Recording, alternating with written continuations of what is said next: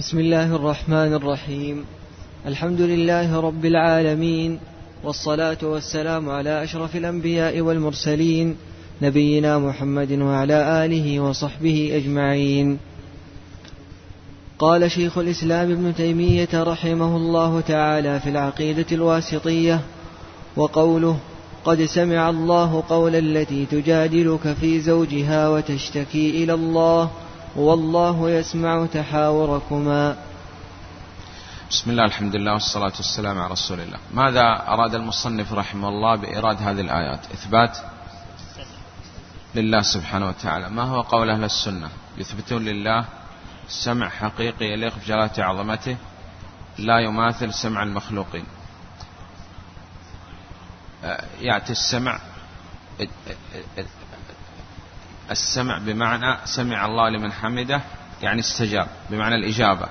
إن ربي سميع الدعاء وسمع إدراك الأصوات وهذا ينقسم إلى ثلاثة أقسام. سمع عام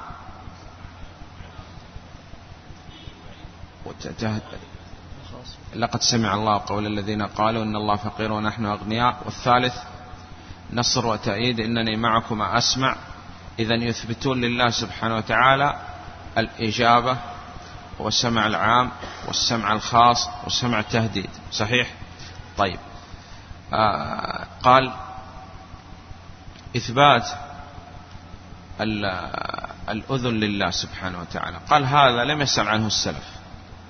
الثاني لم يرد في كتاب ولا سنة إثباته ولا نفيه. فإحنا لا نثبت ولا ننفي. ونقول طالما أنه توقف يعني لم يرد ذكر هذا في الكتاب ولا السنة ولم يسأل عنه الصحابة فلا نسأل.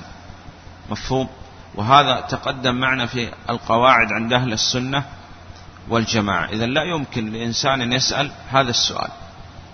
وإن سأل سائل نقول هذا لم يرد في كتاب ولا سنة إثبات ولا نفي. فلا نثبت ولا ننفي ونقول لهذا السائل تقف عندما وقف السلف.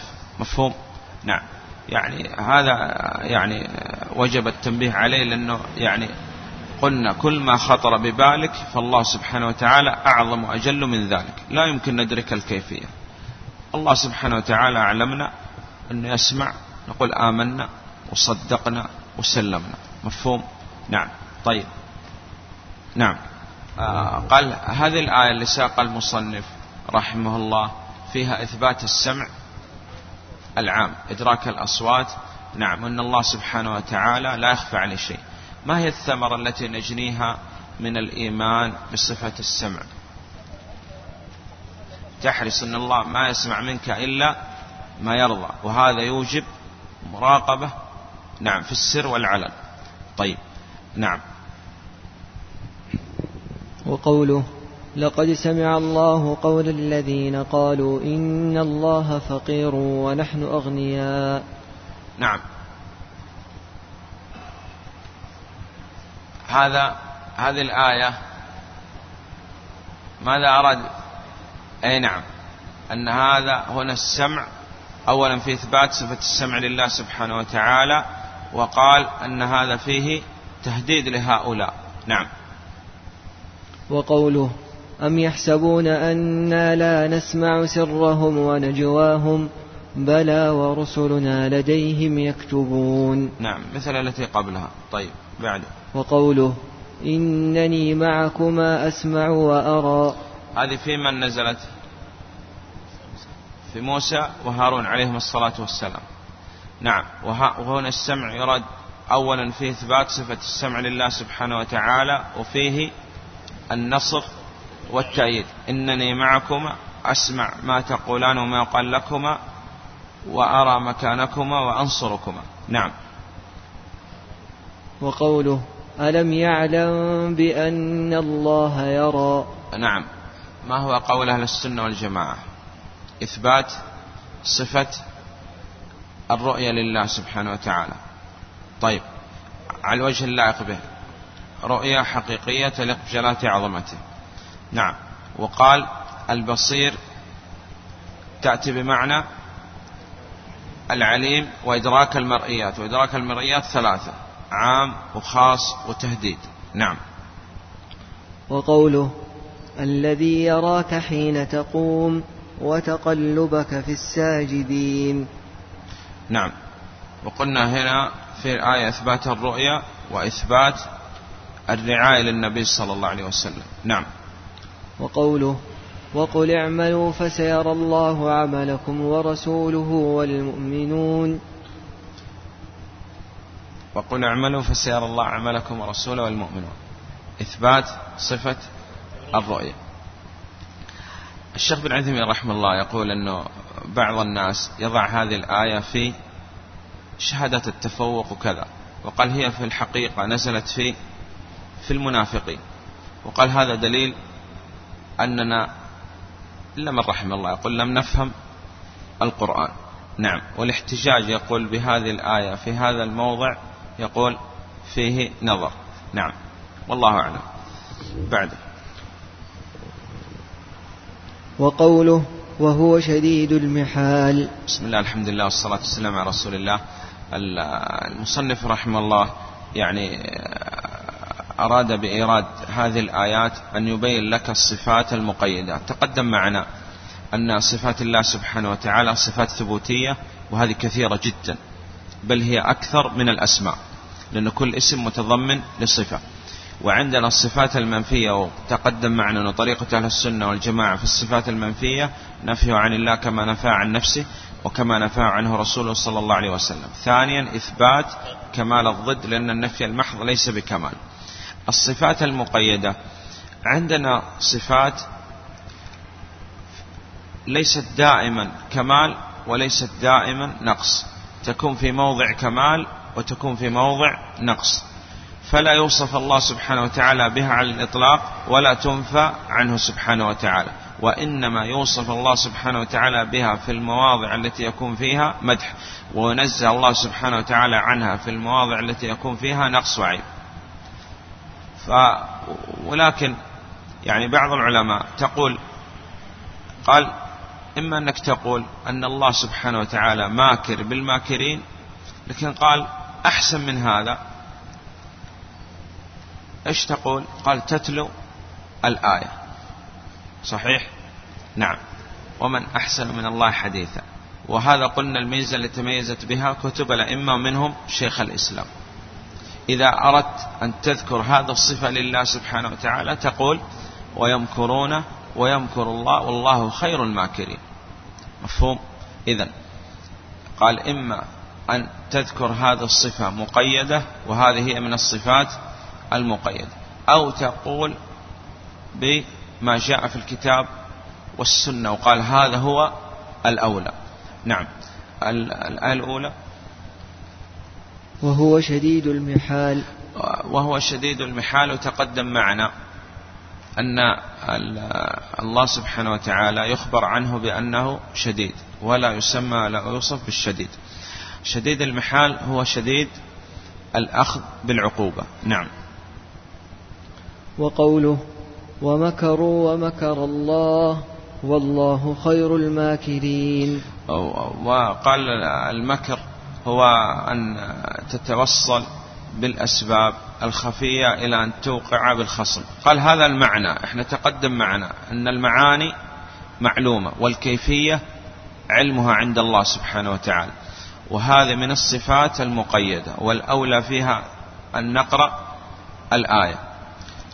قال والله خير الماكرين. إذا يوصف الله سبحانه وتعالى بأنه ماكر بالماكرين. أو أعلى من هذا قلنا تتلو هذه الآية. نعم. ومكروا ومكر الله والله خير الماكرين. إذا لا يمكن أن يكون مكر هؤلاء مثل مكر الله سبحانه وتعالى إن الله سبحانه وتعالى ليس كمثله شيء والسميع البصير. نعم. وقوله ومكروا مكرا ومكرنا مكرا وهم لا يشعرون. نعم. وقوله إنهم يكيدون كيدا. وأكيد كيدا. نعم صفة الكيد وهذه من الصفات أيضا المقيدة. نعم. وقوله إن تبدوا خيرا أو تخفوه أو تعفوا عن سوء فإن الله كان عفوا قديرا. قال آه، أراد المصنف رحمه الله بهذه الآيات إثبات صفة العفو لله سبحانه وتعالى. قال والعفو يشترط له أولا أن يكون عن قدرة وثانيا أن يراد به الإصلاح. قال فمن عفا وأصلح. وهنا قال عفوا قديرا. لأن العفو إذا كان عن قدرة هذا دليل على المدح والثناء. وإذا كان العفو عن ضعف هذا يقول دليل على الجبن والخوف. فقال أن العفو يشترط له أولا أن يكون عن قدرة. والله سبحانه وتعالى يعفو عن المسلم يوم القيامة قال سترتها عليك في الدنيا وها أنا أغفرها لك في الآخرة. هذا عن قدرة واحد. الثاني أن يراد بهذا العفو الإصلاح. هل الآن السارق إذا رفع إلى السلطان يكون العفو عنه فيه إصلاح أم إفساد؟ قال فيه إفساد لأن الله سبحانه وتعالى قال ولكم في القصاص حياة يا أولي الألباب.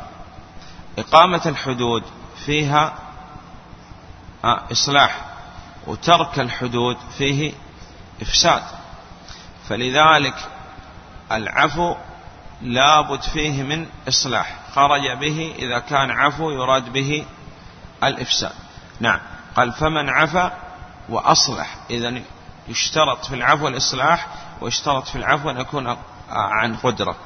قال إن تبدوا خيرا أو تخفوه فإن الله كان عفوا لأن الله سبحانه وتعالى العفو هذا كان عن قدرة والله سبحانه وتعالى عفو لا بد يكون مبني على الإصلاح لأن تقدم معنا حكم الله سبحانه وتعالى.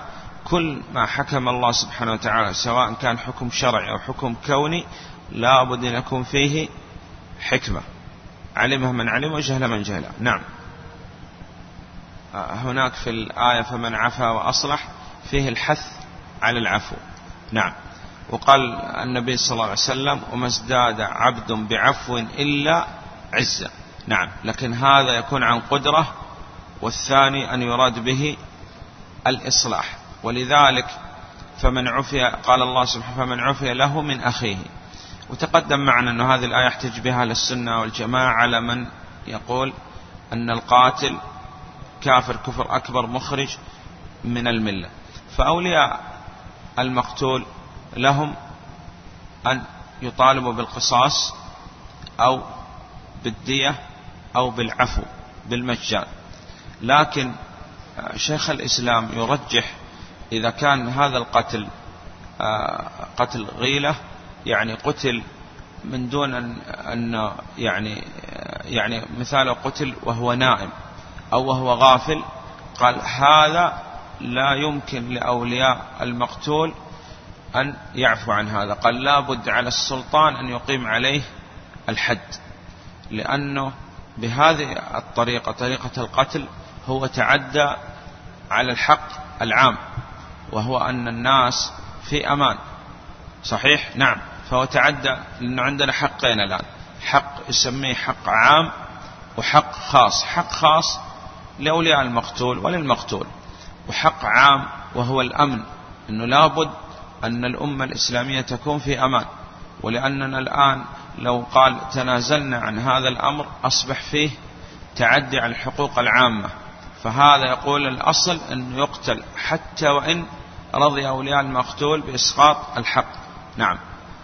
لأنه فيه قال هذا إفساد. نعم. وهذا المتبع عندنا الآن في القضاء الشرعي متبع هذا أن عندنا حقوق حق عام وحق خاص. نعم. وقوله وليعفوا وليصفحوا ألا تحبون أن يغفر الله لكم والله غفور رحيم. هذا سوف يأتي معنا أن هذه الآية نزلت في الصديق رضي الله عنه أنه عندما منع النفقة قال له الله سبحانه وتعالى وليعفوا وليصفحوا. والصفح يكون شيء أعلى من العفو. لأنه قد يعفو ويبقى في قلبه شيء. قال وليصفحوا ألا تحبون أن يغفر الله لكم؟ قال بلى. فأرجع النفقة إلى مسطح نعم. والقصة معروفة. نعم. وقوله ولله العزة ولرسوله. آه، في هذه الآيات أراد المصنف رحمه الله إثبات العزة لله سبحانه وتعالى وتقدم معنا في كتاب التوحيد أن الله سبحانه وتعالى له عزة حقيقية تليق بجلالة عظمته لا تمثل عزة المخلوقين. وقال العزة هي عزة قدر وقهر وغلبة. وهو العزيز فلن يرام جنابه أن يرام جناب ذي السلطان. وهو العزيز الغلاب لم يغلبه شيء. هذه صفتان. وهو العزيز بقوة هي وصفه فالعز حينئذ ثلاث معاني عزة قدر وعزة قهر وعزة غلبة. ما هي الثمرة؟ من الإيمان بصفة العزة لله سبحانه وتعالى. أولا قال أنك لا تطلب العزة إلا من الله وتعلم أن عزة النبي صلى الله عليه وسلم وعزة المسلم هي لا يمكن أن تؤخذ إلا من الله سبحانه وتعالى ولا يمكن تكون مماثلة لعزة الله سبحانه وتعالى. وأن كل من طلب العزة من غير الله قال أذله الله سبحانه وتعالى وقال نحن قوم أعزنا الله. وعزة آه، قال أن لا أحد أن يطمع أن يكون مساوي لعزة الله سبحانه وتعالى. وأن الله سبحانه وتعالى لا يمكن ينال أحد بسوء صحيح؟ وهو آه، وهو قال لم يغلبه شيء هذه صفتان أنه لا أحد وهذا في رد على من يقول أنه استوى بمعنى استولى كأنه لله مغالب. هذا قال منافي لصفة العزة. نعم. ولله العزة وقال ولرسوله. ولا يمكن أن تكون عزة النبي صلى الله عليه وسلم مثل عزة الله بل عزة النبي صلى الله عليه وسلم هي من عند الله سبحانه وتعالى. وعزة كل مؤمن قال هي من الله سبحانه وتعالى ومهما ابتغينا العزة من غيره قال أذرنا لله. نعم. وقوله قال فبعزتك لأغوينهم أجمعين. آه، يصح الحلف بالله وبأسمائه وصفاته. وقال أن بعض الناس في هذا الباب إبليس هو أحسن منهم في هذا الباب لأن إبليس أثبت الصفات لله سبحانه وتعالى ومنها صفة العزة وأقسم بعزة الله فبعزتك لأغوينهم أجمعين. وقال أن هناك بعض الناس ممن ينتمي إلى الإسلام ينكر ما لم ينكره إبليس. يقول في هذا الباب إبليس هو أفضل منهم لا في كل الأبواب. قال فبعزتك أقسم بعزة الله لأغوينهم أجمعين. واستثنى إلا عبادك منهم المخلصين.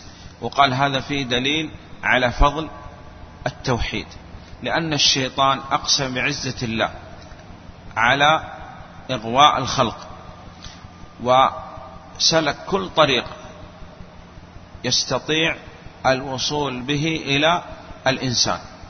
ثم لآتينهم من بين أيديهم ومن خلفهم وعن أيمانهم وعن شمائلهم. بقي مكان واحد ما يستطيع أن يأتيك منه الشيطان وهو من فوق لأن هذا التجاء إلى الله سبحانه وتعالى.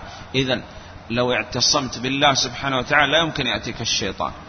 وتقدم معنا أن ابن القيم قال أن مداخل الشيطان على الإنسان تكون من ثلاثة أبواب.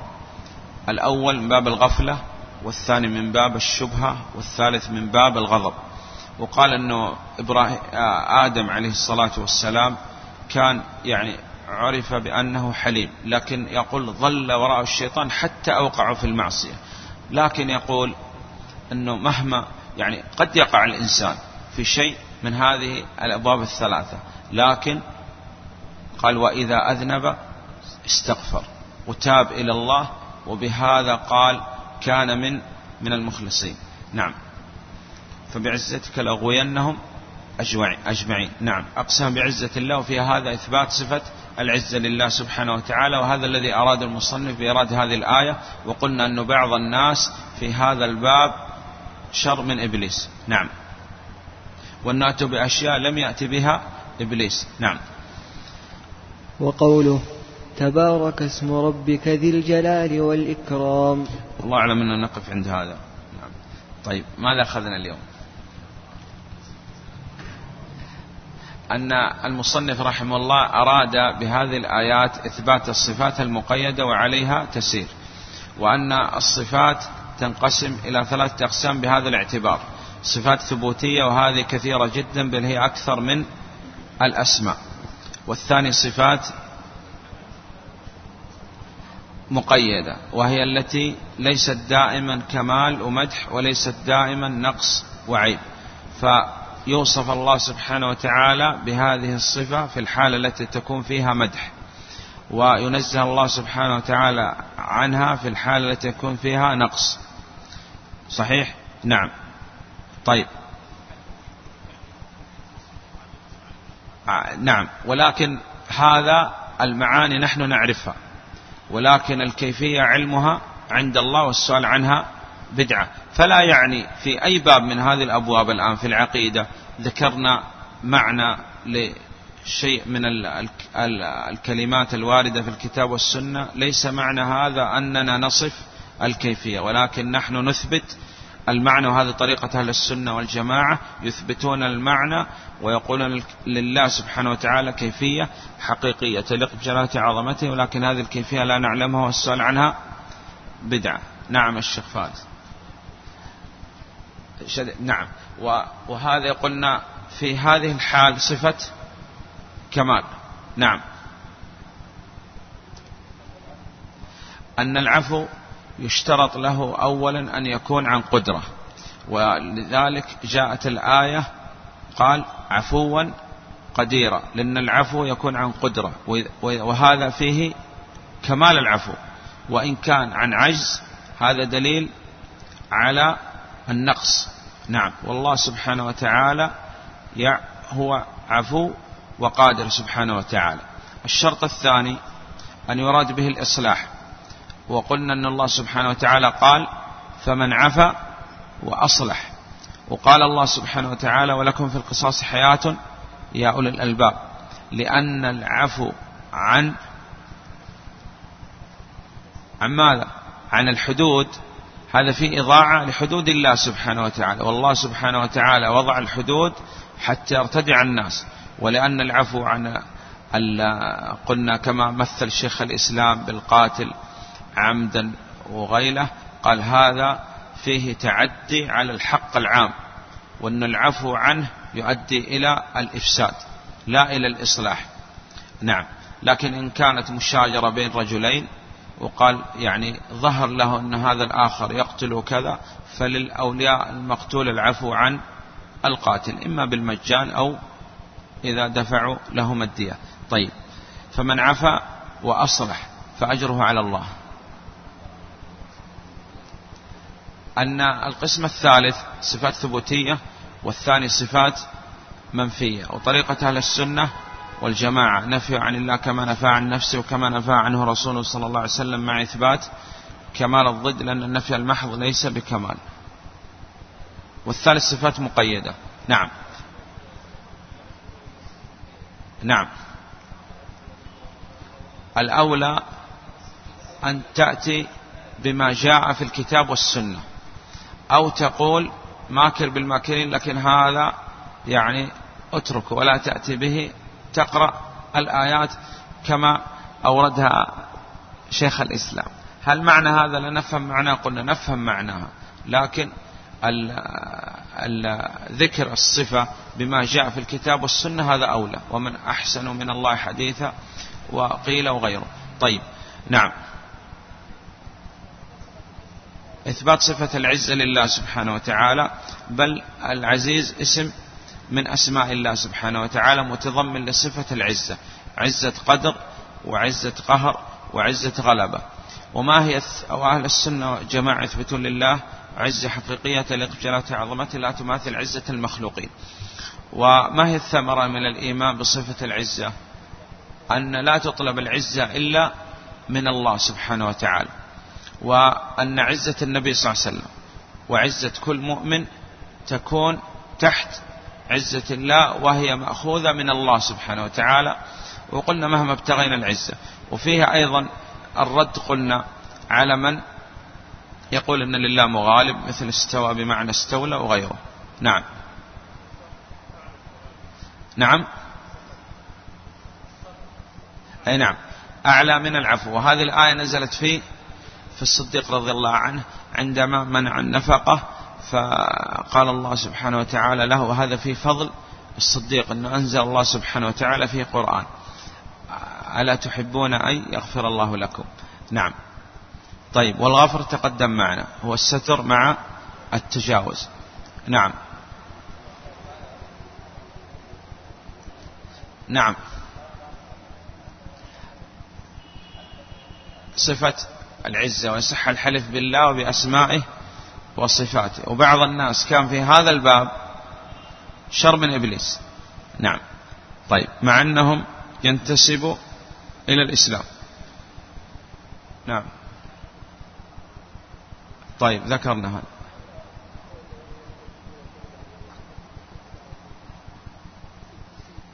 نعم. طيب.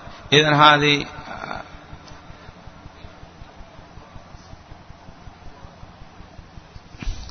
تقدم معنا أن المغفرة الستر مع التجاوز. والصفح هو أعلى من العفو لأنه قد يعفو ويبقى في قلبه شيء. نعم. طيب. آه، والله أعلم. وصلى الله على محمد وعلى صحبه وسلم. سبحانه